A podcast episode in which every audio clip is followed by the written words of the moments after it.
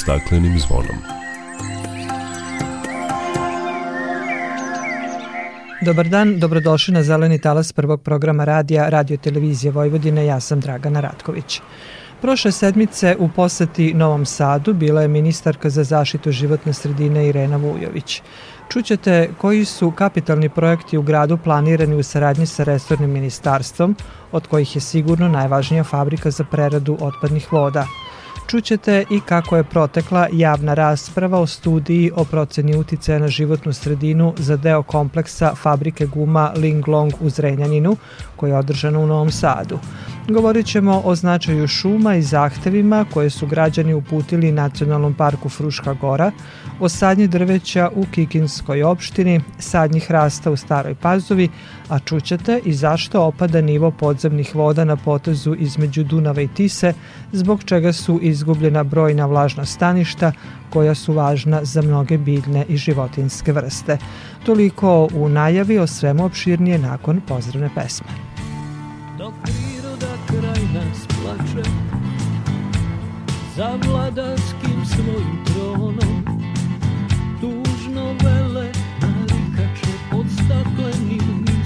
zvonom. Znaj vazduha više nema sve manje je i ozona. Protiv sebe ide čovek i to često bez pardona. Uništenju živog sveta Kao da Čovek sam je sebi meta Zbog njega ovo zvono zvoni Uništenju živog sveta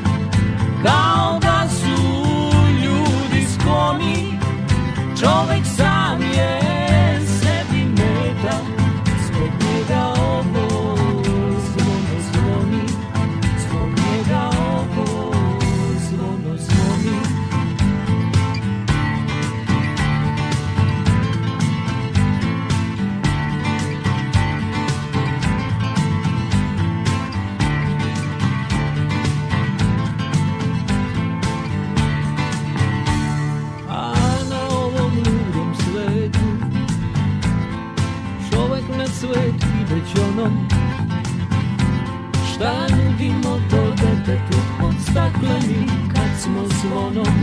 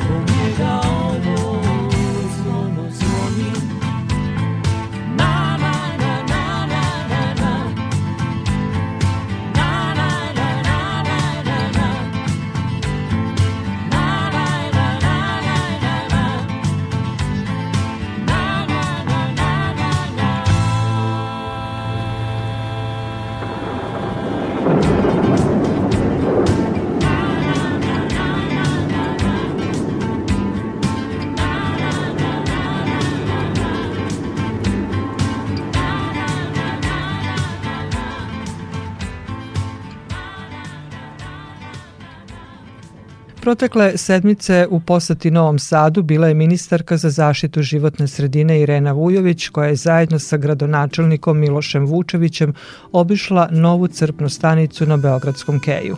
Stanica je finansirana od strane grada sa gotovo milijardu dinara kao najava velikih projekata koje radimo sa Ministarstvom za zaštitu životne sredine i Ministarstvom građevinarstva, a to je da Novi Sad konačno dobije fabriku za preradu otpadnih voda, rekao je gradonačelnik Miloš Vučević.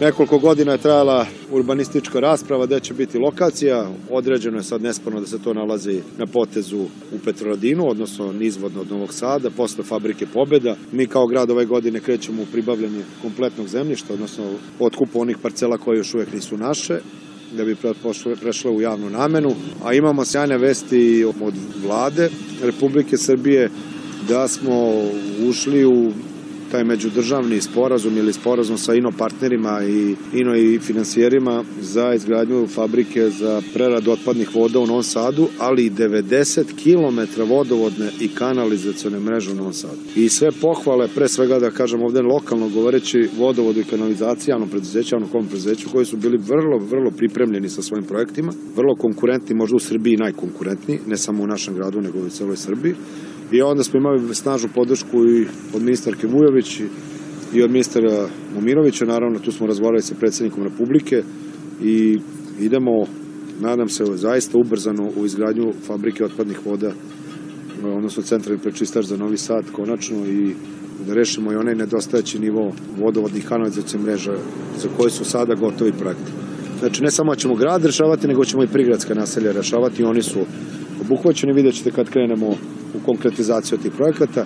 Naš tim iz Novog Sada u saglasnosti sa, u saglasju sa Ministarstvom zaštite životne sredine će kontrolisati da tehnologija i standardi koji će biti primenjeni u fabrici za preradu otpadnih voda, odnosno u centralnom prečistaču u Novom Sadu budu najvišeg standarda, po evropskim standardima i da tu pre svega građani budu zadovoljni, da znaju da čuvamo Dunav da ne pevamo samo o plavom Dunavu, nego da ga ne zagađujemo. Radit ćemo još lepih projekata sa Ministarstvom zaštitu životne sredine u pogledu zalivnih sistema, dva parka, Futoški i Limanski i radit ćemo deo Bulevara Evrope, od raskrstica sa Futoškim putem pa skroz do kružne raskrstica na Limanu 4, odnosno do Caralazi. Da kompletno radimo zalivni sistem za zelene, odnosno za biljke, za drveće, za zasade koje tamo imamo, plus Limanski park, plus, plus Futoški park, Tu je zajedničko finansiranje ministarstva i grada, pretežno ministarstvo, 90 miliona grad, neki 30 miliona dinara. Tako da to je još jedan od projekata, plus uklanjanje divlji deponija koje su na velikim problemima.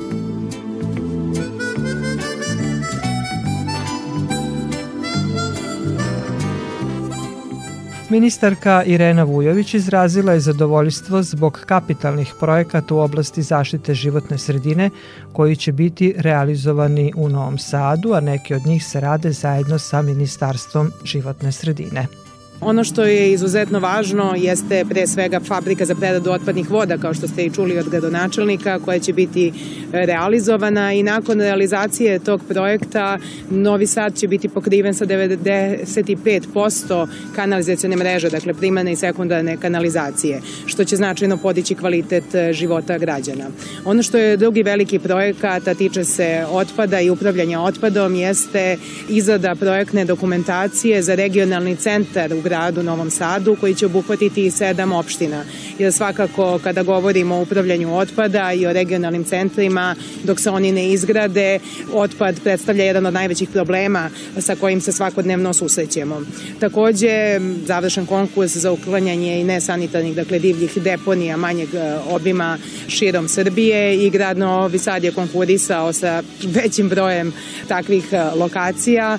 Ono što smo dogovorili na sastanku da ćemo mnogi od njih e, ukloniti, ali isto tako sam zamolila gradonačelnika i njegov čitav tim da pojačamo kontrolu i monitoring upravo na tim lokacijama koje očistimo kako bi i građanima podigli svest o važnosti i značaju zaštite životne sredine, a isto tako i kako bi sproveli jaču kontrolu, kako ne bi morali da dolazimo u situaciju da iz meseca u mesec, iz godine u godinu čistimo e, jedne te iste lokacije. Kada govorimo o zaštiti životne sredine, kada govorimo o aerozagađenju, isto kao jednom od problema sa kojim se susrećemo, mada ovde u Novom Novom Sadu manje u odnosu na neke druge gradove zahvaljujući gasifikaciji grada. Svakako treba govoriti i o zelenjavanju i pošumljavanju. Kada pričamo o zelenjavanju, eh, detektovali smo problem sušenja zelenih površina stabala i eh, čitavog eh, biljnog sveta i stoga je ministarstvo zajednički sa gradom detektovalo projekat pre svega za ozelenjavanje i u parkovima očuvanje biodiverziteta, u Futoškom parku, u Limanskom parku i Bulevaru bulevaru Evrope. Nama je to svakako značajno i zbog zvučnih barijera u naseljenim valtovima, a isto tako, kao što sam i rekla, aerozagađenje i očuvanje biodiverziteta. Zbog toga će se zalivni sistemi izgraditi u pomenutim parkovima i to će značajno podići upravo i procenat e, tih sistema kako bi u što većoj meri očuvali zelenilo. Naravno, nadam se da će grad nakon toga intenzivno i raditi na ozelenjavanju i pošumljavanju svih tih lokacija. Dakle, sve ovo što smo pomenuli i svi ti projekti koji su prezentovani značajno će podići standard života ljudi i to je ono što će učiniti grad Novi Sad još zelenim i primaće ga evropskim standardima.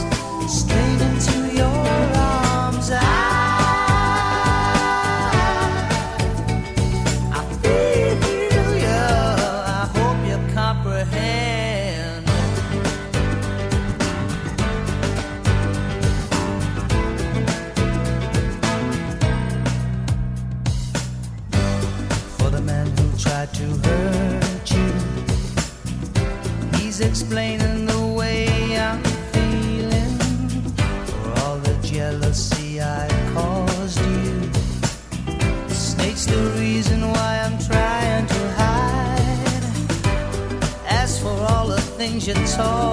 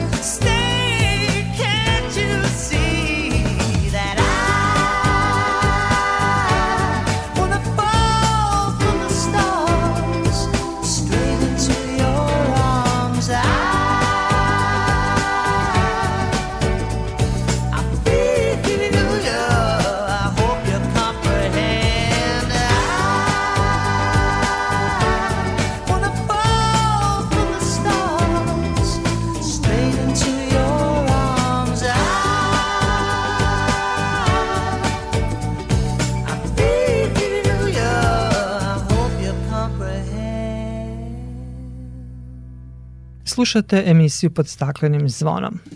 Vazduh u regionu zagađen je tokom cele godine, ali najviše se o tome priča tokom zimskih meseci kada počinje grejna sezona. U ovom periodu vazduh koji udišemo gotovo može da se vidi, gusta i siva magla pokriva sve gradove u regionu. Najveći izvori zagađenja vazduha su termoelektrane, individualna ložišta, industrijska postrojenja i saobraćaj, rečeno je na skupu Balkanski vazduh između dve vatre. Pored termoelektrana, veliki zagađivači vazduha u Beogradu, Skoplju i Sarajevu su individualna ložišta za koja se najčešće koristi ugalj i drva. Ne smemo zaboraviti ni podatak da u saobraćaju u regionu učestvuje veliki broj starih automobila, kamiona i vozila koji u velikoj meri utiču na kvalitet vazduha – kako ne postoje kratkoročne mere koje bi na efikasan način rešile problem zagađenja vazduha, vlade svih zemalja u regionu kao i lokalne samouprave moraju da rade na tome da naprave planove za unapređenje kvaliteta vazduha, ali da rade na tome da što više koriste obnovljive izvore energije i da poboljšaju energetsku efikasnost. Kao dobar primer koji bi trebalo da slede svi gradovi u regionu je Ljubljana koja je postepeno rešavala problem zagađenog vazduha. U centru ovog grada nema saobraćaja, i on je u potpunosti pretvoren u pešačku zonu. Građani se više voze bicikl, koriste javni prevoz i električni voz a kakav vazduh udišu sada će u svakom trenutku znati Zrenjaninci. Naime, Udruženje građana Zrenjaninska akcija postavilo je šest automatskih uređaja za merenje kvaliteta vazduha na različitim lokacijama u tom gradu. Uz pomoć tih uređaja podaci o kvalitetu vazduha dostupni su građanima preko portala za praćanje kvaliteta vazduha. Više o tome Jelena Milićević. Cilj Udruženja građana Zrenjaninska akcija bio je da uspostavljanjem uređaja za merenje kvaliteta vazduha građanima obezbedi informacije o kvalitetu vazduha u Zrenjaninu u svakom trenutku, pošto takve informacije nisu dostupne iz drugih izvora. Pomažu barem informacijno da pokažu ljudima indeks zagađenja koji je koliki je, koliko je stepen zagađenja u vazduhu, da bi ljudi mogli pravovremeno da se prosto prilagoditi toj situaciji, da izbegnu neko, neke aktivnosti koje se vrše napolju, tako da a, im bude lakše da, da na neki način sebi sačuvaju zdravlje. Pet uređaja postavljeno je na različitim krajevima grada, dok je jedan uređaj za merenje kvaliteta vazduha postavljen u Elemiru.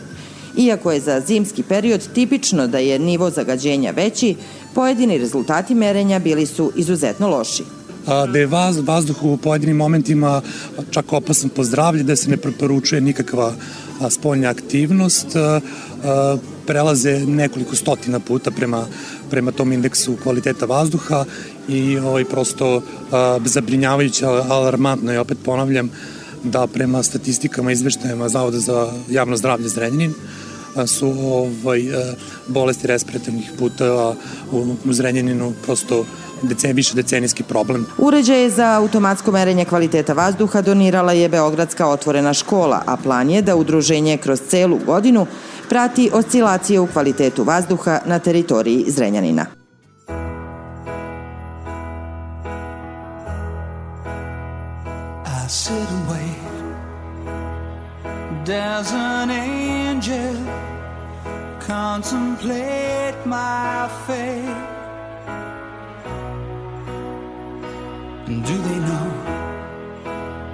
Places where we go when we're gray and old? Oh. Cause I have been told that salvation lets their wings unfold. So when I'm lying in my bed Thoughts running through my head, and I feel that love is dead. I'm loving angels instead, and through it, oh, she offers me protection,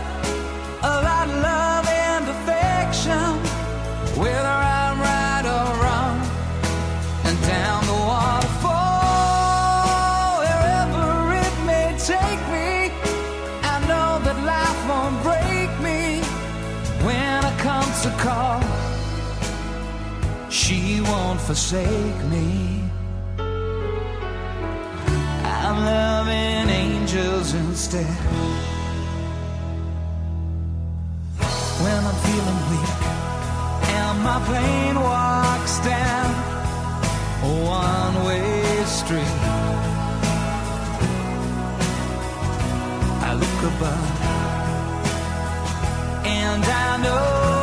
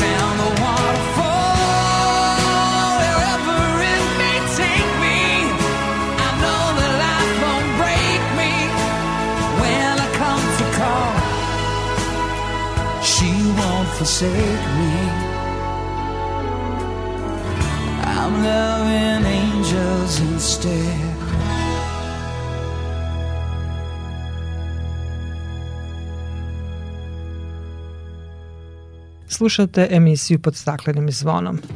Javna rasprava o studiji o proceni uticaja na životnu sredinu za deo kompleksa fabrike guma Linglong u Zrenjaninu održana je u Novom Sadu. Organizator javne rasprave, restorni pokrajinski sekretarijat za zaštitu životne sredine ograničuje broj prisutnih Skog zavoda za zaštitu prirode zbog epidemioloških mera. Građani koji su organizovano došli iz Zrenjanina da prisustvuju javnoj raspravi iz protesta nisu želeli da uđu u salu jer nije bilo obezbeđeno dovoljno mesta za sve. Pomoćnik pokrajinskog sekretara zadužen za čistiju proizvodnju i održivi razvoj Nemanja Erceg rekao je da zbog epidemioloških mera sedenje u sali nije dozvoljeno na svim mestima i da je to razlog zašto svi zainteresovani nisu mogli da uđu odjednom u salu, dok je član Zrenjaninskog udruženja Građanski preokret Dušan Kokot tvrdio da tako organizovanje javne rasprave nije u skladu sa zakonom. Evo kako je izgledala ta rasprava. Mi smo napravili oglas gde smo rekli da će se održati javna rasprava i mi smo do jučerašnjeg dana, do početka dana znali da je samo svega 20 ljudi, ova sala može da primi 40. I onda... Znate, juče je u 18 sati smo mi predali u Zrenjaninu 30 mišljenja na pošti. Ja ne znam kako je organizator a, javne rasprave očekivao da mu ti, ta mišljenja stignu od sinoć od 6 sati, jer je rok dao 17. a 18. ujutro organizuje.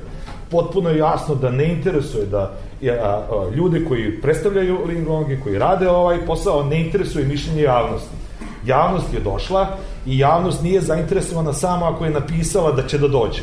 Svako ko je došao predstavlja zainteresovanu javnost. Naravno. Ja ne moram da znam ništa o toj studiji, ali imam pravo da uđem i da slušam. Slažem Prema se tome, ne tražimo mi ništa, nemojte nama da se pravdate veličinu sale. Znači, samo jednu stvar tražimo, a to je poštovanje zakona. Javna rasprava se mora organizovati uz prisustvo javnosti i svi ljudi moraju u istom momentu da uđu u salu. Ukoliko niste u stanju to da uradite, onda nema javne rasprave. I to je sve, nema velike filozofije. U redu. Javna rasprava može biti održana ovde, u skladu sa epidemiološkim merama.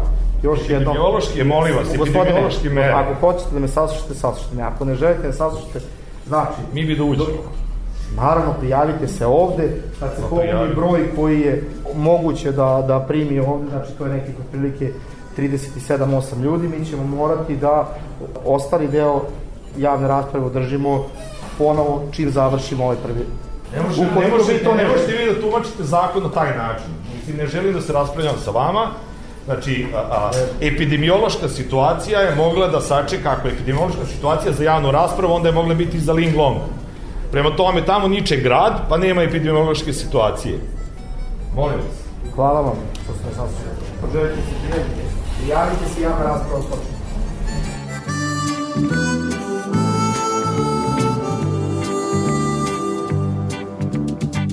Nakon ovog razgovora, građani nisu ušli na javnu raspravu, ostali su ispred zgrade Pokrinjskog zavoda za zaštitu prirode. Aleksandar iz Zrenjanina se pita zašto je javna rasprava uopšte zakazana u Novom Sadu, jer ona se pre svega tiče Zrenjaninaca. To što je ovo ispred sekretarijata, a ne ispred lokalne samuprave, nema veze, moglo isto tako da se organizuje u Zrenjaninu. Veći bi odziv bio. Nigde u Zrenjaninu nije bio proglas da će biti javna rasprava, ljudi nisu obavešteni uopšte. Ja sam nekim kanalima uspeo da saznam i sve nas ovo jako interesuje jer ova fabrika verovali ili ne, uticaće na životnu sredinu, ne samo Zrenjanina. Studija još nije prihvaćena, ona je napisana tako. Ona tek treba da ide na usvajanje. Ono što sam ja pročitao u studiji, to su fantastične količine i emisije u vazduh i, i količine otpada koje će ta fabrika da proizvodi. Tako da mi još zvanično ne znamo da li će studija biti usvojena, ali reći da fabrika neće imati uticaja na, na životnu sredinu, a ovam u studiji piše da će godišnje da proizvodi 108.000 tona otpada u plastičnim džambo vrećama, to jednostavno ne stoji. Znate koliko je 108.000 tona? To negde mora da bude skladišteno. To je planina jedna, samo za godinu dana. Kakve su reakcije zrenjaninaca? Pa, evo vidite, ima ovde zrenjaninaca, još, još nemamo reakciju. Znate šta je osnovni problem? Tamo je, fabrika se gradi u veliko. Gradilište je potpuno otvoreno.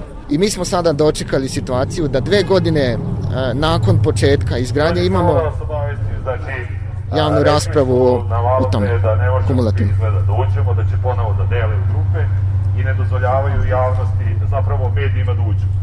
Znači, ukoliko ovaj, to bude u narednih par minuta ista takva stvar, znači mi ćemo svi pokušati da uđemo, ako nas ne puste sve, onda nema javne rasprave. Nema javne rasprave bez prisustva javnosti, nema javne rasprave bez, bez medija. Bile su javne rasprave o objektima pojedinačno o nekim skladištima, o, objektima koji su dobili dozvolu od lokalne samuprave. To nema nikakvog smisla. Taj će kompleks raditi ili u potpunosti kao kompletan. Šta nas briga da li zagađuje skladište gotovih proizvoda? Pa to neće funkcionisati samo za sebe. Funkcionisat će samo kao kompleks. Tek sada, nakon dve godine od početka izgradnje tamo na licu mesta, mi imamo zaista pravu studiju o uticaju na životnu sredinu, a to je kumulativni uticaj celog kompleksa. To je sad. To je u stvari najveći absurd i to je moje prvo pitanje koje želim njima da postavim. Kako smo dočekali to i kako smo došli u situaciju da studiju o kumulativnom uticaju na životnu sredinu imamo sada, a ne pre nego što je fabrika počela da se gradi. To je pritisak, znate, da se usvoji ova studija. Jer treba sada da se zaustavi investicija od milijardu dolara. Kako su reagovali građani na toj prvoj javnoj raspravi koja je održana u Zrenjaninu? Pa slično, pazite, isto je ovako bilo, samo što je tamo bilo još veće obstrukcije. Sala je primala mali broj ljudi, a lokalna samuprava je popunila pola sale sa svojima i onda isto tako trebalo da, da se ulazi u ratama, bez medija, Oni su samo prezentovali svoju studiju, javne rasprave, raspravu upravo što ljudi pričaju kada može da se čuje svačije mišljenje i svako da čuje svačije mišljenje i tek onda da se donese neka odluka u vezi svega toga. Građani su predali podnesak Resornom pokrajinskom sekretarijatu za životnu sredinu koji je organizovao javnu raspravu u kojem ga obaveštavaju da su sprečeni da prisustvuju javnoj raspravi i naglasili da će zaštitu svojih prava tražiti pred Upravnim sudom. Udruženje Građanski preokret najavilo je da će nastaviti edukaciju zainteresovanih zajedno sa stručnjacima koji žele da pomognu kako bi građani što više uticali na tok i sudbinu investicije Ling longer. A javnoj raspravi u Pokrajinskom zavodu za zaštitu prirode prisustvovali su novinari, nekoliko građana kao i nekoliko predstavnika investitora, projektanata i onih koji su radili na izradi studije. Prilikom predstavljena studije navedeno je da bi uticaj fabrike guma, odnosno dva miksera na koja se studija odnosi, bio minimalan jer će se koristiti filteri za tretman zagađivača, te će koncentracije ksilena, praškastih materija i neprijatnih mirisa biti manje od graničnih vrednosti propisani zakonom. Navedeno je i da su procenjeni i kumulativni efekti sa delom kompleksa za koje je prethodno rađena studija, odnosno sa pumpnom stanicom i delom za skladištenje. Ni oni, prema procenama, kako je rečeno, ne prelaze granične vrednosti. Na pitanje novinara zašto se studija o proceni uticaja na životnu sredinu deli na sitnije celine umesto da se radi za ceo kompleks i da li bi to moglo da znači da bi u slučaju izrade celokupne studije i procene kumulativnih efekata svih delova kompleksa zagađujuće materije prelazile dozvoljenu količinu, što bi onemogućilo dobijanje odobrenja, predstavnica projektanata Vera Glišić kaže da su razlozi čisto logistički. Zakon o planiranju i izgradnji, on je tako konstituisan, znači da po članu 133 postoje objekti koji idu na ministarstvo, odnosno u ovom slučaju na, u nadležnost se u pokrenjskog sekretarijata za građevinarstvo za izdavanje dozvola i zaštitu životne sredine za studiju. To su objekti koji se bave proizvodnjom i obradom kaučuka. U ovom slučaju gumarske industrije, to su samo objekti miksere, znači samo se tu kaučuk vega. To su gumene smese, trake, nema hemikalija, nema kaučuka, nema ničega, znači uopšte ne podleže zakonu planiraju izgradnju u smislu da mora da ide na pokrajinu. Samim tim investitor je naravno raspitao se o tome, video neku svoju mogućnost da fazno gradi, ja, vi kad idete na ministarstvo, na pokrajinu, vi imate drugačiju proceduru, dužu proceduru, imate idejni, obavezu izgradnje idejnog projekta revizijne komisije, što u drugim slučajima ne, nemate. Oni su jednostavno podelili projekat na dva dela, proizvodne objekte gde nema kaučuka i objekte gde se vrši neka preoroda kaučuka. I sam pokrenjski sekretarijat za zaštitu životne sredine je propisao uslovima da je neophodno uzeti kumulativni efekt znači, koji je tek sad dobio smisao. U prvoj fazi je nije imalo šta, bili su samo objekti slobodne zone koji sami ne podlažu zakonu o zaštiti životne sredine, i ovaj, nisu na listi nikakve potrebe izrade, tako da nije bilo potrebe. Uzeli ti su utice i proizvodi, sada je uzet kumulativni uticaj i to je, mislim, sasvim je regularno sve, nema tu nikakvi skriveni zamki. Da, bio je problem kod prve studije, jer je bila bojazan, da li će mikser uopšte i zašto se mikser ne da. prikazuje, to da. je bila bojazan. Bojazan je, to je tad da delovalo, da, kad... bio prebačen na, na, na, na pokrajinu. Je, gde je duža procedura, u isti moment smo počeli ali da. duža je procedura, znači posao lokacijski idejni projekat, tako da, tako da jednostavno ta studija izrada je kasnila, da, a ne može opet da uopšte da se završa procedura dok ne bude gotov izveštaj, odnosno prihvatanje od strane revizijone komisije pokrenjskog sekretarijata, tako da je jednostavno iz tog razloga vremenski bilo pomereno. Ali smo mi, znači, ovom studijom onda obuhvatili sve one utice koji mogu da kumulišu sa uticajima iz, iz ovog uh, dela kompleksa i prikazali ih u ovoj studiji. To se vidi pre svega u modelovanju vazduha, gde su obuhvaćeni svi emiteri znači, iz kompletnog, kompletnog kompleksa i u ispuštanju otpadnih voda, gde je praktično ispuštanje otpadnih voda kanalisanje, ispuštanje definisano i projektovano na nivou celog kompleksa, ne zasebno, tako i prikazano, znači i u prethodnoj i u ovoj studiji.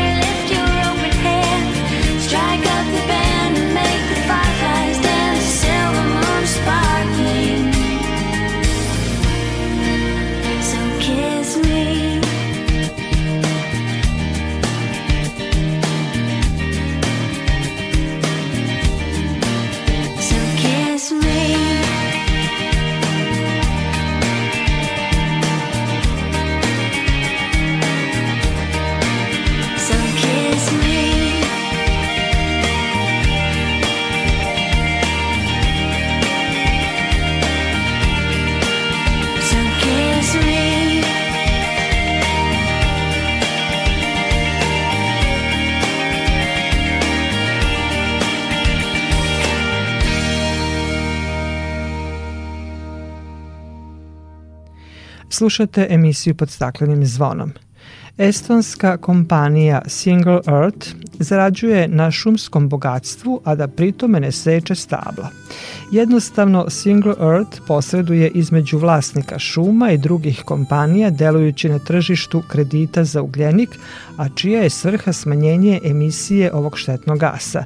Da bi kompenzovale za emisiju ugljen dioksida i očuvale biodiverzitet, firme plaćaju vlasnicima šumskih područja i močvara za zaštitu ovih prirodnih sredina. Na taj način Single Earth doprinosi iskorišćavanju blagodeti šuma, a to su apsorpcija ugljen dioksida i povećanje biodiverziteta. Time podstiču i vlasnike da štite svoja šumska područja. Samo da kažemo da je Estonija među državama koje su vrlo bogate šumama. Više od polovine zemlje je prekrivena šumom, međutim u celoj Evropi dešava se velika seča šume.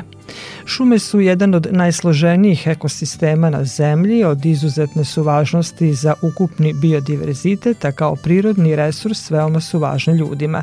Međutim, preterana i neplanska seča dovela je do toga da je sve manje površina pod šumom, što u velikoj meri utiče na degradaciju životne sredine.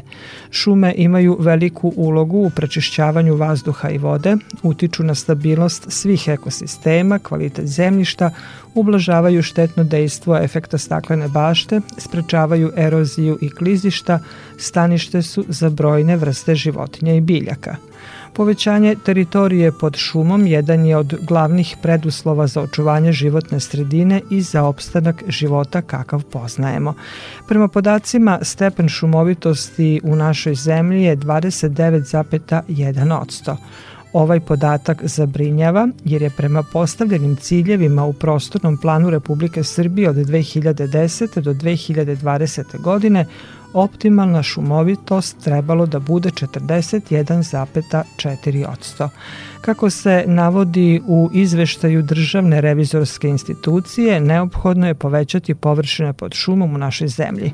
Međutim, nisu doneta sva planska dokumenta u šumarstvu, kao ni akcioni planovi za njihovo sprovođenje, što ukazuje da nisu preduzete sve aktivnosti u cilju efikasnog planiranja razvoja šuma i šumarstva.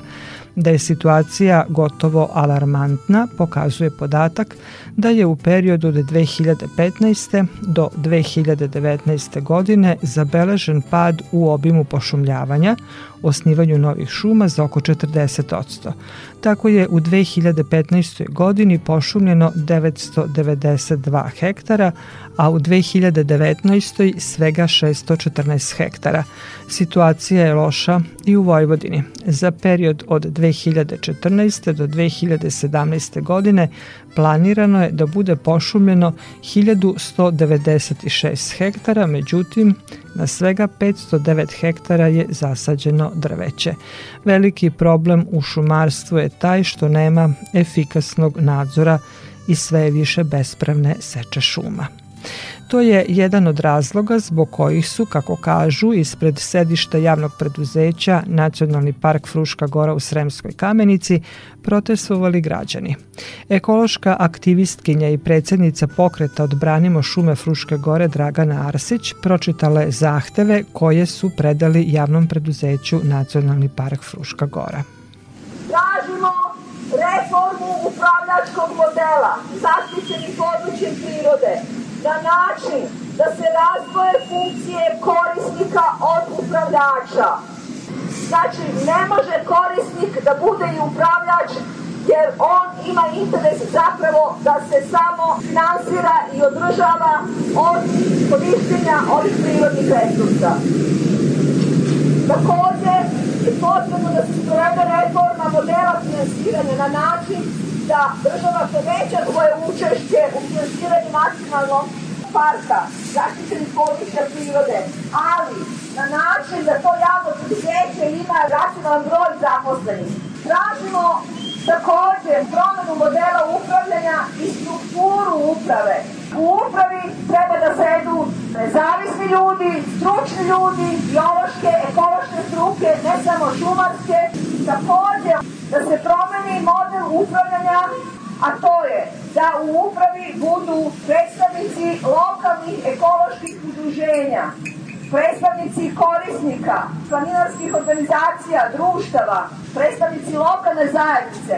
Sve su to interesne grupe koje su usmerene na Frušku goru, ali na način da Frušku goru štite kao zaštićeno područje prirode, a ne da je gledaju kao jedan špajs koji će ući, uzeti šta im treba, otići i tako je kontinuirano devastirati.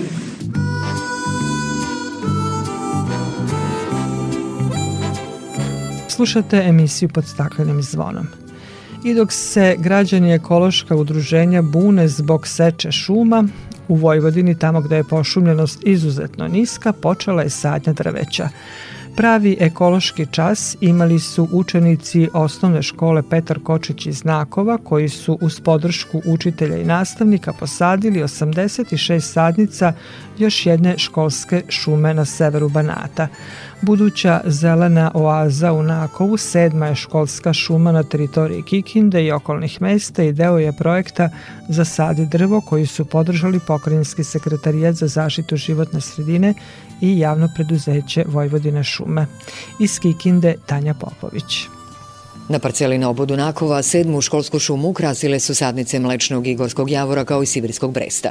Najbolju edukaciju o zaštiti životne sredine imali su učenici Nakovačke osnovne škole Petar Kočić, dok su krajnje savesno učestvovali u akciji pošumljavanja svog mesta. Mi iz škole Petar Kočić u Nakovu smo sadili drveće da bi se brinuli o prirodi. Nemamo dovoljno šuma u okolini Kikinde i u Nakovu, pa sadimo drveće da, da bi doprinali, dajemo svoj doprinos. Moramo da zaljevamo drvo, da dolazimo da bi ga pazili da se ne bi osušilo. Kako je naglasila Brankica Tabak ispred Pokrinjskog sekretarijata za zaštitu životne sredine, akcija pošumljavanja biće nastavljena i u drugim vojvođanskim mestima i u Žitištu, u Zrenjaninu, u Sečnju, u Subotici, kao što će biti i u Kikindi. Ovo u Kikindi je samo jedan deo, jer je opredeljeno 600 sadnica za opštinu Kikinda. Ova parcela će zapravo biti kroz određeno vreme jedna mala šuma, jer se vidi da su to već stabla listopadnog drveća, koja su stara nekih četiri godine. Prema rečima gradonačelnika Kikinde Nikole Lukača, oblast zaštite životne sredine, pošumljavanje i ozelenjavanje Severa Banata biće podržani sredstvima iz gradskog budžeta, ali očekuje da kikinski projekti budu podržani iz pokrinjskih i republičkih fondova. Grad Kikinda nastavlja sa ovom akcijom pošumljavanja, izdvojit će i sobstvena sredstva, ali ćemo i u ovoj godini, ali i u narednim godinama uz pomoć pokrajinske vlade i Republike Srbije i dalje pošumljavati da što kaže, popravimo i ekološku situaciju, ali i da vodimo računa o zaštiti životne sredine. Rekultivaciju i uređenje parcele u Nakovu, na koje je posađeno 86 sadnica školske šume, inicirali su sami meštani. Samo u poslednje tri godine na teritoriji Nakova pošumljeno je oko 7 hektara, a podizanje novih sadnica planirano je na još oko 3 hektara.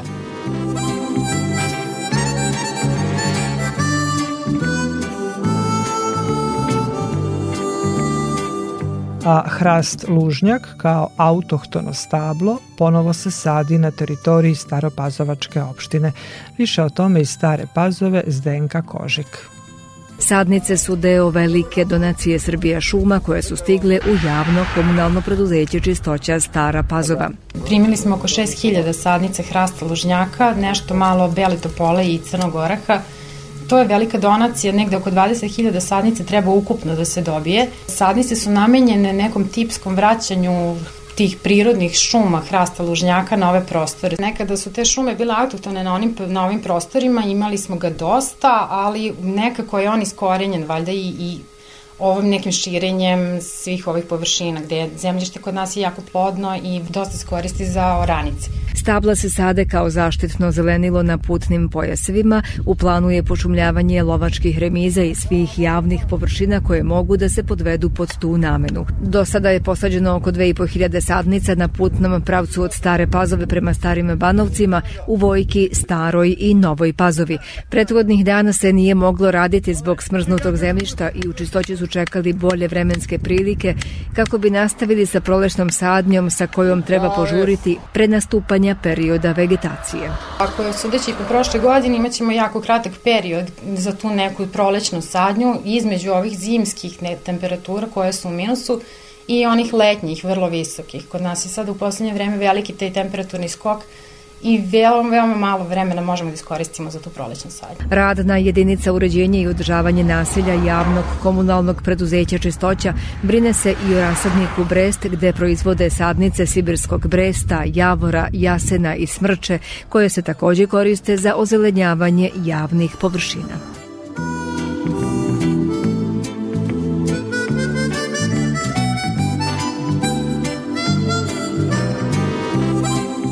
Slušate emisiju pod staklenim zvonom. Nivo podzemnih voda na potezu između Dunava i Tise opao je u proseku za 5 metara. Kao rezultat toga izgubljena su brojna vlažna staništa koja su važna za mnoge biljne i životinske vrste. Sa jedne strane to je rezultat prirodnih procesa, ali je opadanju podzemnih voda u značajnoj meri doprineo i sam čovek. O tome i Subotice Kristijan Takač. Subotica je, kao i mnoga druga područja na potezu između Dunava i Tise, izgubila brojna vlažna staništa. Na mestu nekadašnjih kanala i močvarnih područja sada su livade. Istraživanja koja su sprovedena proteklih godina pokazuju da je jedan od glavnih faktora u isušivanju ljudski faktor, a pokazalo se da najveći problem predstavlja odvođenje voda i zalivanje voćnjaka, objašnjava čuvar zaštićenog područja javnog preduzeća Palić Ludaš Oto Sekereš. Što mi više iskorišćavamo naše resurse, vodene resurse, to će više ljudi morati ili bit će prinuđen da koristi još više prirodnih resursa, tako da treba da nađemo drugo rešenje i treba da razmišljamo i da očuvamo naša vlazna staništa, jer voda je život. Pored većih vodenih površina i napušteni kanali kao vlažna staništa mogu biti važni za ekosistem, ali i u ovom slučaju mnogo toga zavisi od čoveka i njegovom odnosu prema prirodi, kaže koordinator čuvarske službe Tamaš Vinko. Da li je to dobro, dobar ekološki koridor ili, ili stanište zavisi od toga kako održavamo ova staništa, znači nije to samo da li, je, da li ima vodu ili ne, nego da li kosimo, da li e, suzbijamo invazivne vrste, znači sve je to u jednom paketu, treba gledati sve to. Specijalni rezervat prirode Ludaško jezero je zaštićeno područje još od 70. godina prošlog veka. O njemu brine preduzeće Palić Ludaš, koje aktivno sarađuje sa lokalnim stanovništvom. Precizno je propisano samo ponašanje oko jezera i kako ističu u preduzeću, meštani uglavnom poštuju ove mere. Za Radio Novi Sad govori direktorica preduzeća Marta Dobo. Ljudi su već shvatili važnost ovih područja jer, nažalost, ako mi ne brinemo o našoj okolini, niko sem nas neće brinuti, a mi nećemo šta moći da ostavimo za našu decu i za naše unuke ako sad ne krenemo da sačuvamo ono što imamo. Ludaško jezero je još 1977. godine postalo Ramsarsko područje, među prvima u tadašnjoj Jugoslaviji.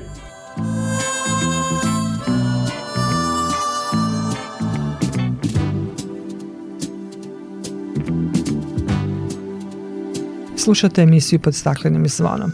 Proteklih dana, a kako meteorolozi najavljuju i narednih, imat ćemo prijatne temperature i to treba iskoristiti da više boravimo u prirodi, da šetamo ili planinarimo, možda po Fruškoj gori. Iako Fruška gora deluje pitomo, dešava se da šetači zalutaju ili se nađu u nekom drugom problemu. U takvim situacijama reaguje Gorska služba spasavanja. Čujemo nekoliko saveta od zamenika načelnika Novosadske stanice Igora Ćimovića kako se pripremiti za planinarenje. Najbitnije od svega što svaki planinar mora da ima je želja da uopšte ode u prirodu i da se odgovorno ponaša u njoj. Da odgovornost podrazumeva ponašanje prema sebi, prema svojim drugarima i prijateljima koji su sa vama, a naravno i prema prirodi koju ostavljamo iza sebe.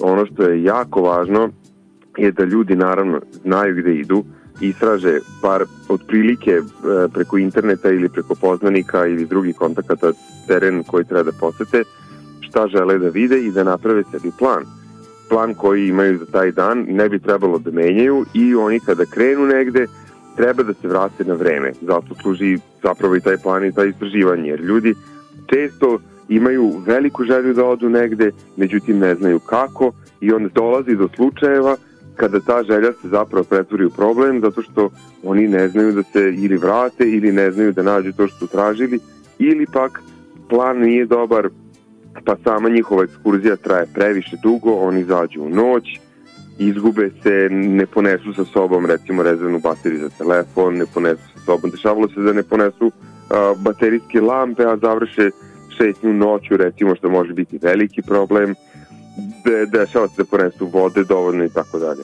Pamet u glavu, malo istraživanja, poneti sa sobom dosta vode, obavezno, pošto sad i dalje su dani kratki, dakle sa sobom obavezno nosimo i baterijsku lampu, punu bateriju za telefon rezervnu i obaveštavamo ljude gde smo krenuli u našim planovima i tako dalje, da ne bi došlo slučajeva kao što dešavalo baš i ove zime, kada je bilo više akcija potrage za, za mladim ljudima koji su u toku dana išli da planinare ili skijaju, a zatim noću lutali po putevima ili stazama svakako se dobro završilo, međutim bilo je dosta napeto i, i ovo je naporno dok se ni, ti ljudi nisu našli ponovo.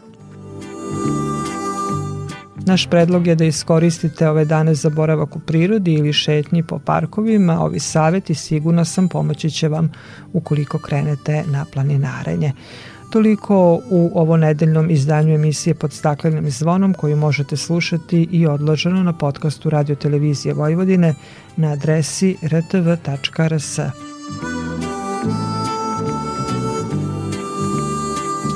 Na pažnju vam zahvaljuju Marica Jung, Zoran Gajinov i Dragana Ratković. Naredni susret zakazujemo za sedam dana u isto vreme na zelenom talasu prvog programa radija Radio Televizije Vojvodina. It's amazing how you can speak right to my heart.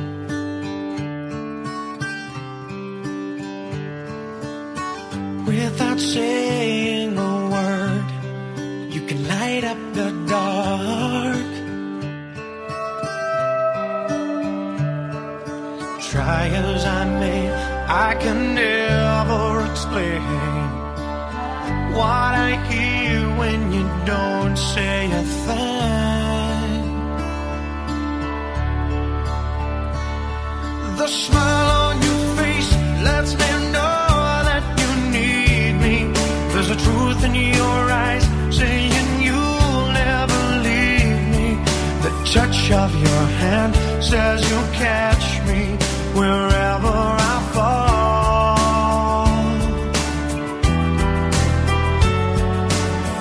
say it best when you say nothing at all.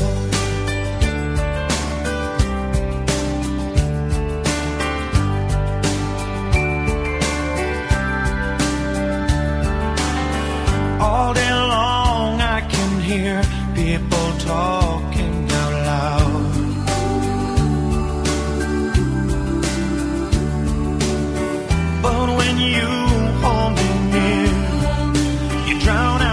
cry.